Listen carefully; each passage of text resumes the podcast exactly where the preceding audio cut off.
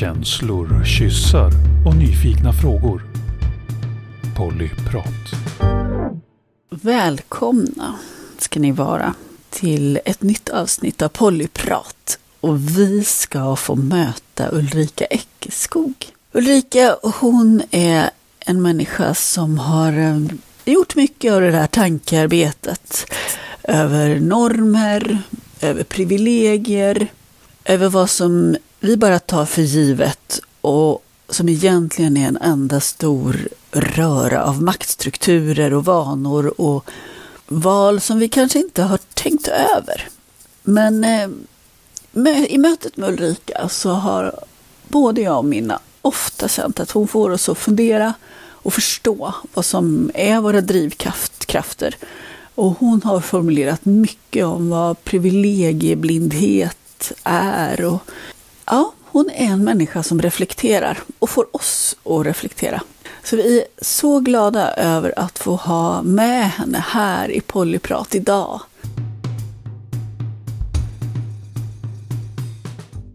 Kan inte du berätta lite vem du är i relation till Polly? Det är en resa som började för drygt 20 år sedan. Eh, innan jag träffade mannen som sen blev far till mina barn så stötte jag på en människa som sa men varför vill du begränsa den du älskar? Och det, det satte fart på de första tankarna. Vad är det som gör att jag vill ha ensamrätt? Vad är det som gör att, att det på något vis ska vara det mest eh, saliggörande?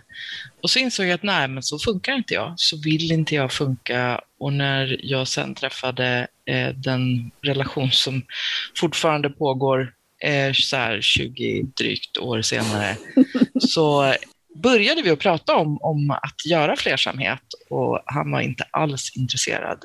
För han hade aldrig funderat på den normen, att monogaminormen. Men så pratade vi om det i typ ett och ett halvt år och sen så sa vi, tja, vi får se var det här landar och så körde vi. Många relationer senare så kan jag säga att eh, för drygt tio år sedan, tolv tror jag, eh, hittade jag nästa relation som fortfarande pågår. Och, och, vi skrattar ibland och säger nej, nej, nej, på det funkar inte, det vi. Det blir bara korta serier, seriemonogami staplat på hög. Mm. Jag menar, visst, visst har det drag av seriemonogami ibland också. Eh, alltså man, när man ger sig själv lov att prova många relationer så är det klart att fler misslyckas. Eller bara fler inte håller i längden, för jag är inte säker på att det är ett misslyckande heller. Där har vi en annan norm. norm. Mm. Det finns en väldigt stark koppling till att en lyckad relation är en relation som är lång och kanske helst då livslång från att man träffar människan. Mm. Ja, framförallt så fortsätter man ju alltid att vara vänner minst för att det ska vara en lyckad relation. Men jag menar, mm. livet, livet funkar ju inte så. Alltså en del människor kommer och går och vi passade ihop precis här och det gav mig så himla mycket men sen så funkade det inte. Våra livs, livsresor drog iväg på olika håll. Tid är den där avgörande komponenten i slutändan. Man har inte tid med hur många relationer som helst. Mm. Och, och, när man tänker på det här med normer och privilegier, då, hur har det kommit sig att du har börjat tänka på det? Alltså, jag tror att jag i grunden är en tänkande människa. Alltså, eh, jag har inte riktigt ett val och, och, där tänker jag att början till privilegietanken kommer in. När jag inte bara upplever att jag har ett val utan faktiskt har tid och möjlighet att stanna till och tänka och fundera på vad vill jag? Så finns det ett privilegium av något slag. Och ibland så har jag varit oerhört inte privilegierad. Mm. Och ibland så har jag varit oerhört privilegierad. Alltså någonting som vi tre har gemensamt är ju att vi är vita. Mm. Det är ett jätteprivilegium i ett samhälle som alltid, alltid, alltid utgår ifrån att vitt är bättre. Mm. Och bara en sån sak som att vi tre gör poly, eller gör flersamhet, medan hade vi varit mörkare i vår hudfärg och gjort flersamhet, så hade det mm. blivit ifrågasatt som en eh, patriarkal grej. Liksom. Vi också definieras ju av omvärlden som kvinnor mm. alla tre. Så mm. där har vi ju, där delar vi ju att vi är i en mer förtryckt position tänker jag, mm. än, mm. än män. Alltså, vi har upplevelsen, tänker jag, alla tre, av att också vara i en marginaliserad position. Vi, mm. Eftersom kvinnor är det. Vi lever i ett av världens mest jämställda länder, bla bla, men vi mm. lever i ett patriarkat. Och jag tänker att det är en av, en av utgångspunkterna för mig att förstå privilegier har att göra med att titta på just det, när jag själv har upplevt mig marginaliserad, hur är det för mig? Jag tänker att jag är i en, en, en situation som är väldigt privilegierad som gör att det gör, är det ganska lätt för mig att göra poly för att jag har en, mm. en social status, jag har en mm. eh, kult, kulturellt privilegierad position i mina sociala sammanhang. Jag har en god ekonomi, jag har en massa sådana saker, jag har arbete och så vidare. Och det gör att att när jag säger att jag, jag gör poly så gör det mig nästan lite intressant snarare ah. eh, än att det är någonting som är ännu mera freaky med mig. För att jag har, så så det, det har jag ju upplevt som ett privilegium, att det har varit ganska lätt för mig att gå den här vägen och det har varit ganska lätt för mig att prata om det. Och jag har ju insett att det privilegiet har ju inte alla. Och så där, det här om att ha ett val är det ena vi pratar om. Mm, mm. Eh, som du beskriver i minnen så så uppfattar jag det som att människor runt omkring dig tänker det här har du valt. Åh, vad spännande, vad intressant. Det här är liksom en... Men det gör mig lite mer ah. intressant. Och, och, och vilket i väldigt många sammanhang skulle just frågan om frivillighet komma omedelbart. Har du blivit tvångs, du vet, tvångsbortgift eller vem har bestämt det här? Och sen också så det, handlar det om hur mycket man sexualiseras, tänker jag. Och får liksom hela den här projektionen på sig. För det finns ju en, i en, en rasistisk komponent av det. Alltså att vi tittar på människor med olika hudfärg med helt olika bild av vad vi har för moral. Medan en vit, en vit kvinna som har ekonomisk frihet kan man säga, eller ekonomiskt mer, en, en mer jämbördig position med, med männen då i sin omgivning. Där ser man inte alls den här samma ifrågasättande av att blev du tvingad?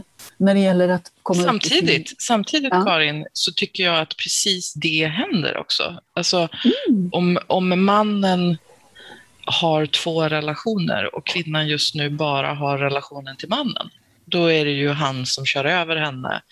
Och vilket i och för sig, jag har också fått den eh, reaktionen när jag har berättat om min, eh, alltså jag är så förälskad i den här nya relationen, wow, stackars din man.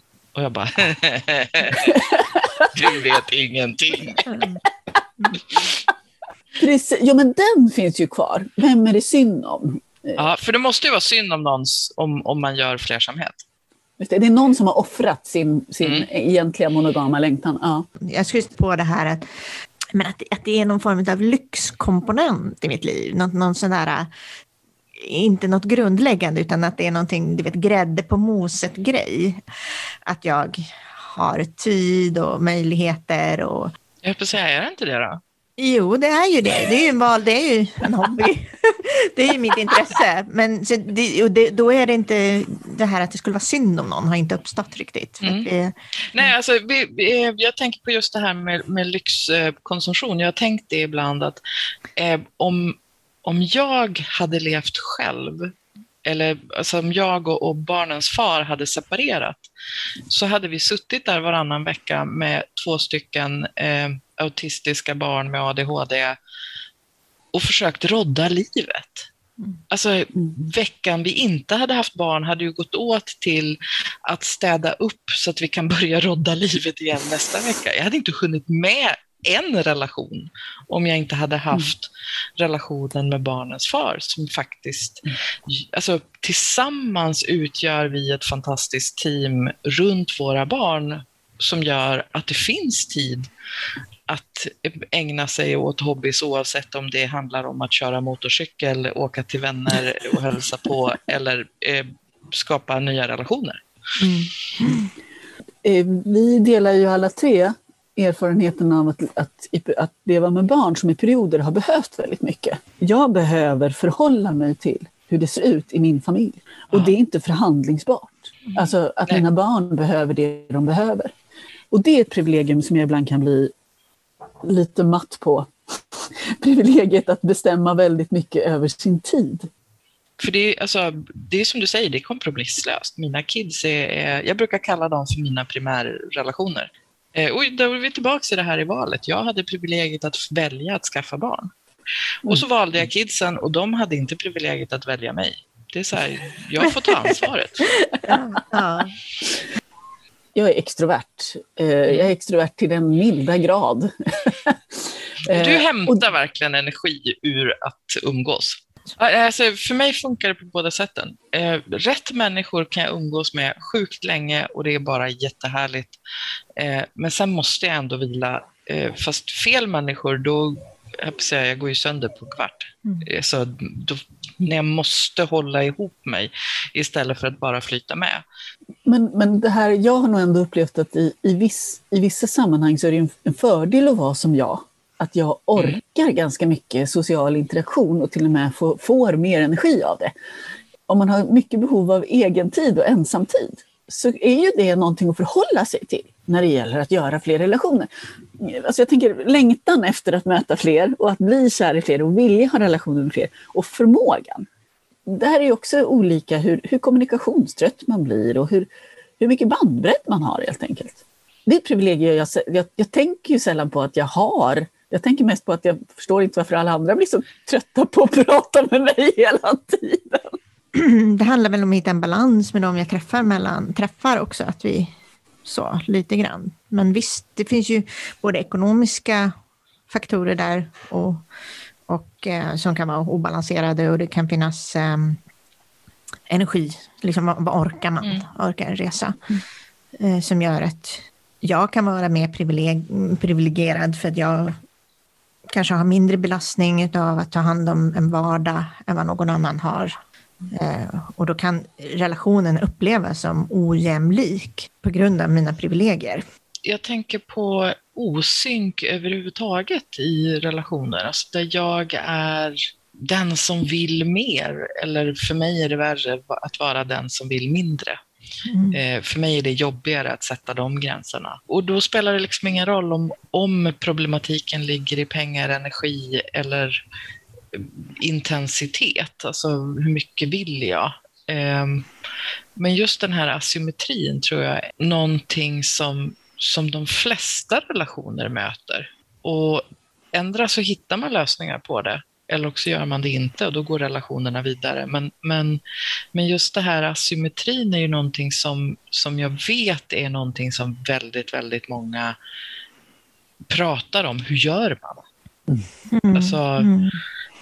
Hur förhandlar man fram till... Ja. Och, och om vi har olika ekonomi, är det rimligt att den andra parten betalar varje gång vi ska träffas? Eller, alltså, asymmetri skapar hela tiden såna här små, vad har jag för normer? Vad är det för normer Mm. jag förhåller mig till? Vad är det för någonting jag ser? Och hur, hur kommer det sig att det är just det jag ser? För jag menar, det är jätteofta jag ser just, och det spelar ingen roll om det är en monogam relation eller om det är, är flersamma relationer. Om hon vill ha mer sex så kommer det massor med råd om hur han kan engagera sig fastän han egentligen inte vill. Medan om Ja. han vill ha mer sex så är det alltid, men han får ju fan chilla. Jag tänker också att det kommer från en lång, lång, lång historia av tryck mot kvinnor att ställa upp så jävla mycket på mäns Mm. sexualitet. Och det kommer ifrån en lång historia av att kvinnor samtidigt har tryckt undan sin sexualitet. Mm. Så att det kommer ifrån en god vilja av att säga män, sluta kräva Mm. saker av en partner. Men också kvinnor, våga be om det du vill ha. Resultatet kan bli ganska skevt här och nu. Mm. Men det sitter ju i ett his- historiskt kontext som jag, där jag ändå kan, kan eh, tycka att båda delarna kan ha sin poäng. Att lite fler män eh, övar sig på att vara lyhörda. Att lite fler kvinnor vågar säga det här vill jag, tycker jag också är en jättebra sak. Vänta här nu. Nu pratar du om att kvinnor ska våga uttrycka att det här vill jag. Och så förutsätter du att kvinnor ens har verktygen att känna efter vad är det jag vill i en sexuell situation. Första gången någon frågade mig vad vill du? Alltså det, det blev så tilt i min hjärna, jag fattade inte vad han menade. Hela min uppfostran, alltså, och nu pratar inte jag om min familjs uppfostran utav mig, utan av hela den socialisering som samhället har utsatt mig för handlar om att mitt jobb sexuellt är att möta min partners sexuella behov. Jag, jag känner så himla väl igen det här och det här är verkligen när jag började träffa flera män när jag blev poly så var det ju precis det här som hände. Och jag, började, jag träffade en man som sa, men vad vill du? Och jag var så här, mm. Jag var som ett frågetecken. pratade om. Eh, och, och han upplevde mig som otroligt svårläst och knepig. För att han kunde inte läsa. Liksom. Va, va, mm. Jag kunde inte säga vad jag ville. Och, och han var sannolikt mer van att träffa kvinnor som var mer van vid det. Eh, och det, blev, det blev verkligen en krock för mig med en helt ny värld. Och det är verkligen ingenting man automatiskt kan, men man kan öva upp det skulle jag säga. Mm. Men mm. igen, då måste man veta. Du måste, alltså, någonstans måste du snubbla på tanken att jag har ett val att faktiskt utforska min egen sexualitet. Vad är det jag vill? Vad är det jag går igång på? Vad är det jag tänder på? Alltså efter det så har jag insett att min stora kink här i världen, det är samspel. Mm. Åh, oh, gud ja. Oh, ja. Nu saftar det till sig här när vi pratar samspel. Kan du berätta mer om det? jag har insett att dans, jag kan inte ens dansa, men vem, vem bryr sig? Dans är bara samspel och samspel kan jag, så det betyder att jag kan dansa. Det här är jättemärkligt, men, men faktiskt så är det. Relationsdansen. ja, jo men alltså eh, blues är en dans som i princip bara handlar om att hasa runt och, och följa, eller styra, eller ja, så. Eh, och det är en jättehäftig dans. Som, alltså det är verkligen så där, jag blir, shit, det är så häftigt. Sen finns det ju mer eh, avancerade där det verkligen är liksom, alltså jag menar, tango är avsevärt mycket mer avancerat. När det gäller sex så kan jag nog både blues och tango. Mm. Jag är nog bäst på blues tror jag. ja, nej men alltså, men, men det, i, i grund och botten så handlar det ju om att hitta vad är det jag går igång på? Vad är det jag gillar? Alltså jag tycker att det är väldigt intressant att prata om manliga privilegier. Nu har vi ingen man med oss, men jag tycker att mm. jag stöter ju på dem hela tiden när män tar en massa saker för givna. Eh, som lätta och eh, enkla. Där jag har en steg att klättra upp för. Och jag har svårt att få förståelse för det faktiskt hos många män som jag möter att de, att de har svårt att förstå att det är ett privilegium. Det manliga privilegiet. Men det, det, det, händer, alltså det hänger ju ihop med att det vi, de flesta privilegierna är avsaknad av eh, motstånd. Och men om man aldrig har stött på motståndet så är det väldigt svårt att se att andra gör det hela tiden. Alltså det, det på något vis privilegier är i, till sin natur svåra att se. Jag, kan ju mötas av, men då får du väl göra annorlunda då? Då får du väl bara göra som jag brukar göra. Det, hur svårt mm. kan det vara? Det är ju lätt för mig att göra det här. Det, det, är väl upp till dig. Det har jag mött många gånger. Då ser man ju inte strukturerna. Nej. Mm. Eh, och jag tycker att det blir väldigt synligt just när man... Jag gör mest relationer med män. Mm. Eh, och så jag stöter ju på det här hela tiden. Och jag märker också att jag lägger ganska mycket tid på att upprätthålla de här privilegierna och skapa de här komforten. Mm. Eh, och det sitter ju djupt i mig. Eh, så jag kan ju se att jag har ett ansvar att synliggöra och, och ja, ta bort privilegiet eller rasera den här komforten som privilegierna gör. Men det är jättesvårt också. Att, att vara den som bryter normen och, och därmed privilegierna. Ja, klart att det är. Det, det, då hamnar du ju i dubbelbestraffning. Alltså dels så är du den som borde, alltså jag brukar prata om att kvinnor är de, den, den grupp människor som, som hela tiden möts utav att vi ska skapa den här emotionella mjukheten eh, som, som gör att sammanhanget blir inkluderande och, och välkomnande för alla som är där, oavsett om de själva bidrar till den här emotionella komforten eller inte. Ehm, jag gör inte det längre. Framförallt inte på nätet. Utan eh, om det inte vore för att jag hade en profilbild där det syns att jag är kvinnligt kodad så tror jag att de flesta skulle uppfatta mig som en man. för att jag, jag uttrycker mig inte i och för sig, det gör jag, både och ska jag säga, för jag uttrycker mig alltid utifrån mig. Jag tänker, jag tycker, jag tror. Eller det här är fakta och utifrån det så tror jag att, så tänker jag så här. Vilket de flesta män, de bara talar om att så här är det och så får vi själva fylla i att så här tror du att det är, eller så här, alltså. Mm. Men, men, eh, men jag, jag, kan ju känna, det är en sak att, att på något sätt sluta göra saker. Men om man till exempel talar om det här bärandet av den goda stämningen i ett mm. sammanhang. Om man bara slutar göra det. Någonstans så vill man ju ha den goda stämningen i ett sammanhang. Man vill att det ska skapas och det är ingenting mm. som alltid kommer gratis men med lite komfortbyggande mm. så finns det där. Och jag tycker att det är eh, så här, i min så här, fantasivärld så kanske jag önskar då att någon annan kliver in där det blir ett tomhål. Eh, men det händer ju inte. Så det, så jag tror att det här är varför jag har slutat göra nya relationer. Åh, den här mannen är så jävla intressant. Ja, just det. Jag har en thing för emotionellt eh, infantila män. Nej, okay. Hello you and me lie. ja. Nej, men, och jag, jag, bara orkar inte, för jag orkar inte utsätta mig för precis det här du, du pratar om. Jag har två relationer som, som funkar hyfsat, eh, eller som funkar jäkligt bra, och som, mm. som i grunden faktiskt gör det här, vi, vi komfortbygger från olika håll mm. och mm. vi växeldrar i det. Det är så sjukt få män som klarar av att göra det där, steppa in och, faktiskt fylla i, utan man måste lära dem det. För ingen har lärt dem det, därför att vi har en, en, en socialisation av män som de kan komma in och så bara glider de med i den här räkmackan.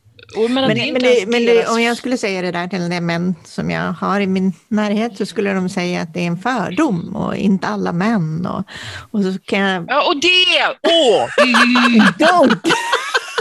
Mm. det, det finns så, alltså det absolut mest utmärkande för privilegier, det är ju att aldrig behöva vara representant för gruppen. Normen är vit heterosexuell cis-man. Alla som inte är vit heterosexuell cis-man är representant för sin grupp så fort de outar sig som bög eller mm. som trans. Alltså det spelar ingen roll, det är så fort du inte är vit, heterosexuell, normalfungerande cis-man så är du en representant för gruppen och eftersom män mm. hela tiden är normen, mm. så behöver de aldrig någonsin klumpas ihop i en grupp. Och när vi klumpar ihop dem i en grupp så bara, nej, inte alla män. Så när du säger inte alla män, så vad du gör är att plocka fokus från problematiken till att du blev utpekad som representant för din grupp. Mm. Det är så enkelt och samtidigt är det så sjukt svårt. Och det här är ju någonting som de flesta män förstår för lite av. Mm. Även om de förstår det i någon slags teoretisk så tappar de bort det i jag säga, nästan varenda sväng de gör. Ja, men så är det. Jag kan tycka att det är själv eh, ganska jobbigt att hela tiden jobba med att synliggöra det här. Jag kan ibland mm. bli trött på oh. det och tycka att det är ganska skönt att kliva in i min, ja men den som, som stödjer de här privilegierna och mm. komfortzoner. Mm. Och det ger mig också bekräftelse, för då är jag ju mm. den goda kvinnan. Eh, och, och, och det, det, kan få mig att må lite bra. Och sen hamnar jag i den där situationen där privilegierna ger stora fördelar. För att jag, och mm. jag är utmattad. Och då är det inte lika roligt längre. Men mm. jag har väldigt stor förståelse för att man väljer att upprätthålla det här för, av ren just i stunden. För att det, ja, men det stämmer kanske med ens självbild och massa sådana saker. Mm. Sen så tänker jag också att det här med dubbelbestraffning, om jag inte gör det så dels så får jag skit för att jag inte gör det och dels blir det inte gjort. Alltså det här, precis det här du pratade om Minna, att ja, men om inte jag skapar en god stämning, vem ska då göra det? Mm. Då får jag leva i den här skitiga stämningen och så mm. eh, får jag dessutom skit för att jag inte har skapat en god stämning. Mm. För det är, det är vårt jobb. Ja. För mig har det här blivit extra tydligt när jag, har träffat, eh, när jag har träffat flera olika män. Så för mig är det kopplat till flersamheten på det sättet att det är så tydligt att en del män har jobbat med de här frågorna alla är fortfarande vita män som jag träffar. Men de har liksom kanske reflekterat över det och gjort en egen resa och, och liksom vågat konfrontera sig själv och sådär. Och sen så andra män som inte har gjort det överhuvudtaget. Och det blir som kontrast i hur jag kan göra relation med de här männen då. Mm. Det blir sån mm. enorm skillnad i vad jag behöver investera eller göra för att göra mig intressant för de här männen. Du agerar annorlunda gentemot de här männen beroende på hur de, vad de har gjort för arbete. Ja, så är det ju. Och, och eh, det tar mer eller min, mycket mindre energi att träffa en man som har gjort det här arbetet. Om jag träffar någon som jag blir förtjust i så vill jag gärna vara den mannens bästa val. Och det, då gör jag ju saker för att, ja men du vet, man struttar runt med sin lilla dans för att få personens uppmärksamhet. Eh, och, och så lurar man sig själv att man är attraktiv. Men det man har gjort är ju att upprätthålla den personens privilegier och, och liksom vara behaglig och, och skön. Behaga, och, ja. Där ja, är behaga. Och, och, då blir man ju attraktiv såklart, för då matchar man in i, det här, i den här situationen. Och jag har gjort det så många gånger och det sitter så hårt i mig som kvinna det är verkligen mm. ok jag bär. Och nu när jag inte, jag gör ju det mindre och mindre, nu gör jag det, jag, jag ser det snabbare hos mig själv. Mm. Ja, då är min, männen, då är männen mer ointresserade av mig. Jag, jag brukar säga det, alltså min, min största sådär rädsla, det är ju att inte duga. Mm. Och det handlar ju precis om det här du pratar om, Minna.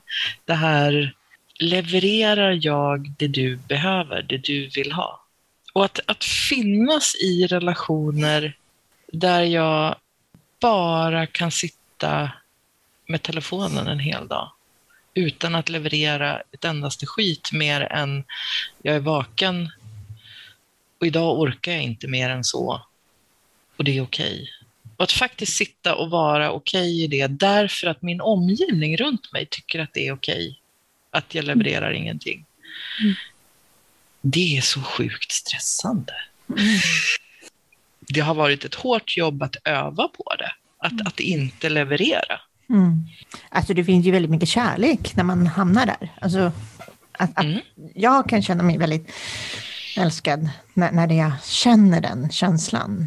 Uh, nej, jag, jag, får, jag får faktiskt bara vara precis som jag är med ja, men alla mina skador och brister och, mm.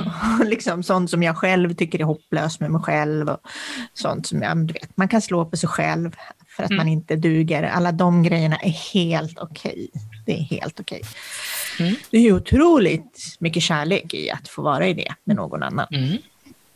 På grund av... Gud, jag får syn på hur mycket jag gör för att, för att, vara, för att vara nog. Samtidigt som livet är fullt av praktisk skit som måste göras. Jag menar, mm. det är ju sig självt nog.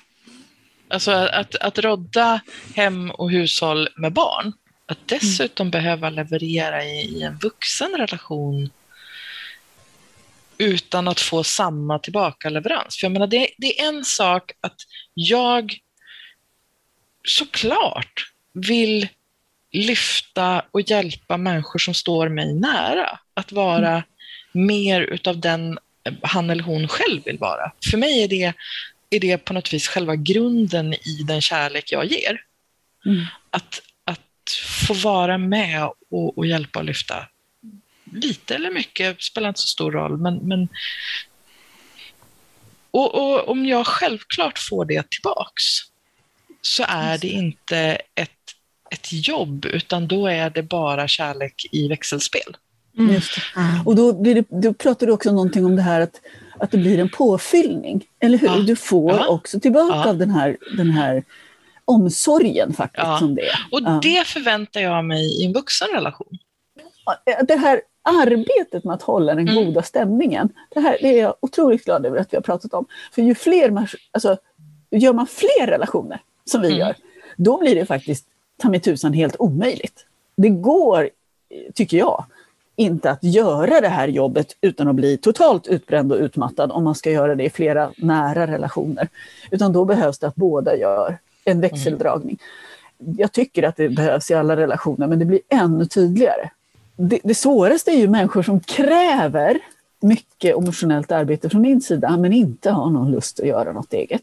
Om det är så här, jag kräver ganska lite och jag ger ganska lite, ja men då kanske det är lite mer av en balans.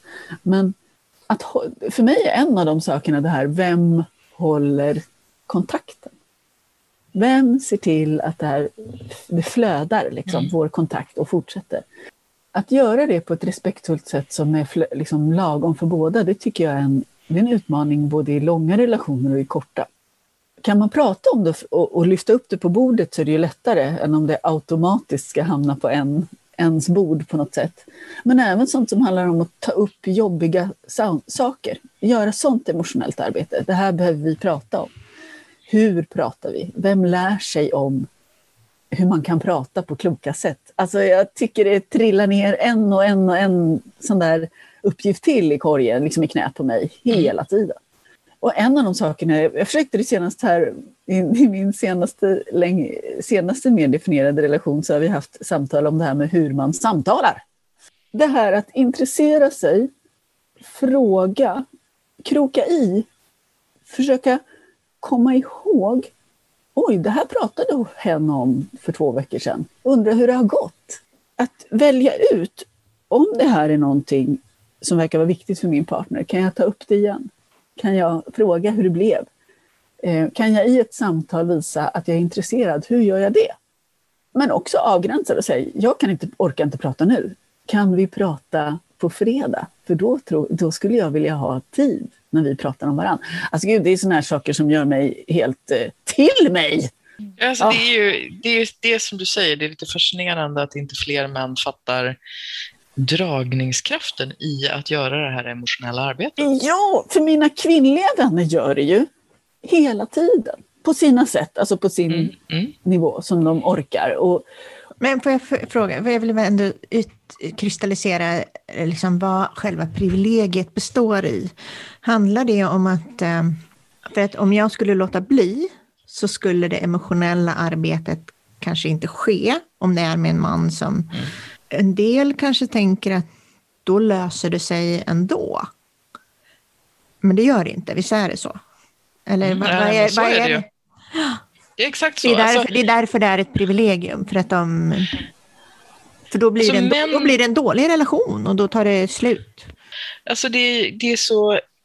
Alltså det här är ju ett mönster som finns i samhället i stort. När barnen har vuxit upp och paret eh, behöver återgå till att finnas i primärt sin relation som par och inte i sin relation som föräldrar, så är det sjukt många relationer som dör. Därför att det finns inget... Alltså hon orkar inte göra det här emotionella jobbet med honom längre.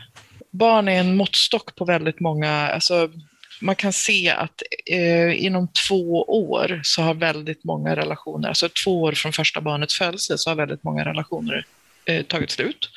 Och sen också inom två år efter det att barnen har flyttat hemifrån så har väldigt många relationer tagit slut. Och det handlar ju om, om hur relationen förändras och ehm, Jag tänker på de otrogna männen, eh, som jag har ju mött en del eh, i Mm. mitt dejtande, eh, där det kommer fram att de är otrogna. Och det, det, jag har ju verkligen eh, liksom vridit och vänt på den stenen en del och, och kommit fram till att det här, här, det här handlar ju verkligen om att en frånvaro av emotionellt arbete hemma i sin relation mm, mm. eh, och med en person Herregud, de säger sig värna om och därför går bakom ryggen på. Så otroligt svårt att känna någon form av attraktion för den här mannen för att den som smiter ifrån allt det emotionella, emotionella arbetet. Det är, Ja, alltså, dessutom så säger han ju att du är bara ett substitut för att egentligen så vill jag stanna i min relation med, med den jag har hemma. Men jag får inte det jag behöver där, för hon ägnar sig åt någonting annat, typ kidsen som vi har satt till världen. Eh, så, så du får, får ge mig utav det här emotionella behovet jag behöver en stund för att jag ska fortsätta orka vara i den där relationen. Och det kan ju vara så otroligt bekräftande och skönt för mig då som kvinna att få vara så behövd av den här mannen.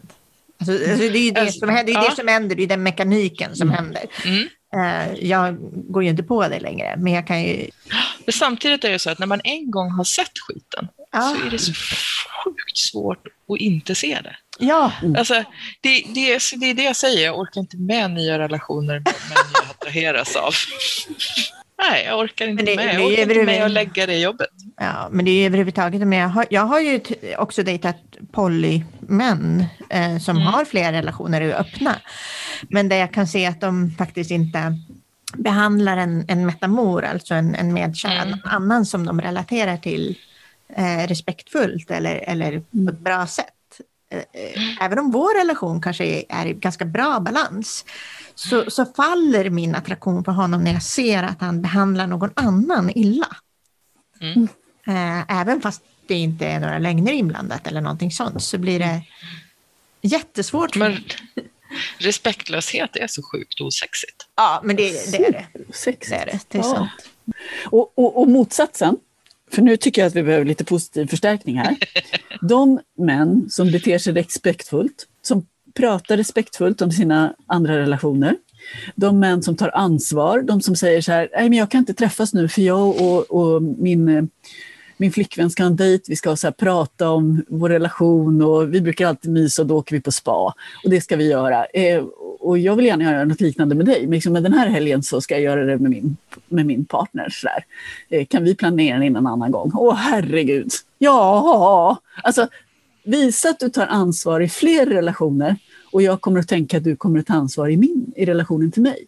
Mm. Det är ju verkligen inte ett nollsummespel, mm. utan tid som du avsätter till andra på ett respektfullt sätt och, och samtal och relationsvårdande saker som du gör med andra, det gör ju att jag tänker, om det verkar så att jag också kommer att få det, så betyder det helt enkelt, vilken schysst kille!